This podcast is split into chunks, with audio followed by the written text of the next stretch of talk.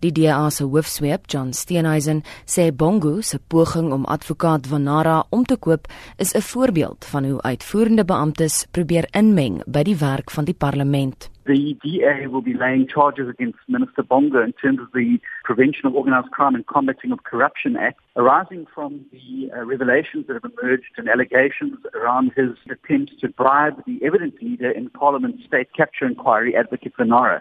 It's a very serious infringement, a criminal act, but also strikes the heart of the separation of powers, where a member of the executive is now trying to impede the work of Parliament from being able to proceed and ensure that it gets to the bottom of all those responsible for state capture.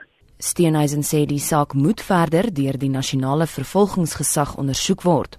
Hy sê die DA sal ook die vordering van die saak monitor. What we'd like to do is that it gets properly investigated and that a docket is forwarded to the National Prosecuting Authority for prosecution. We can't have a situation in South Africa where senior ministers of state face these serious allegations and then nothing happens as regards to it. After this, the Democratic Alliance will obviously also be putting in regular questions to the Minister of Police and the Minister of Justice on the progress in the case. Uh, we cannot have a situation where we have two sets of laws in South Africa, one for the executive and one for ordinary South Africans. The law must apply equally to all South Africans. Hy sê advokaat Vanara het 'n beëdigde verklaring aan die parlement oorhandig.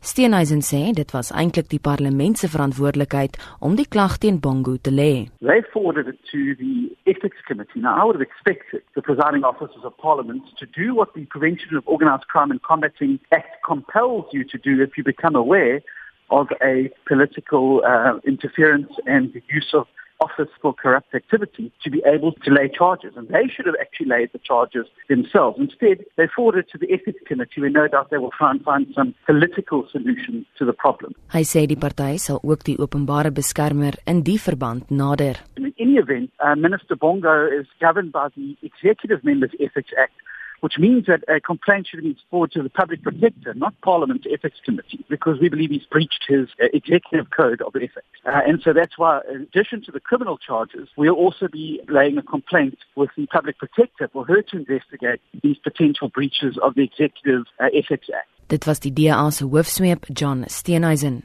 Ek is John Marie Verhoef vir SAK nuus.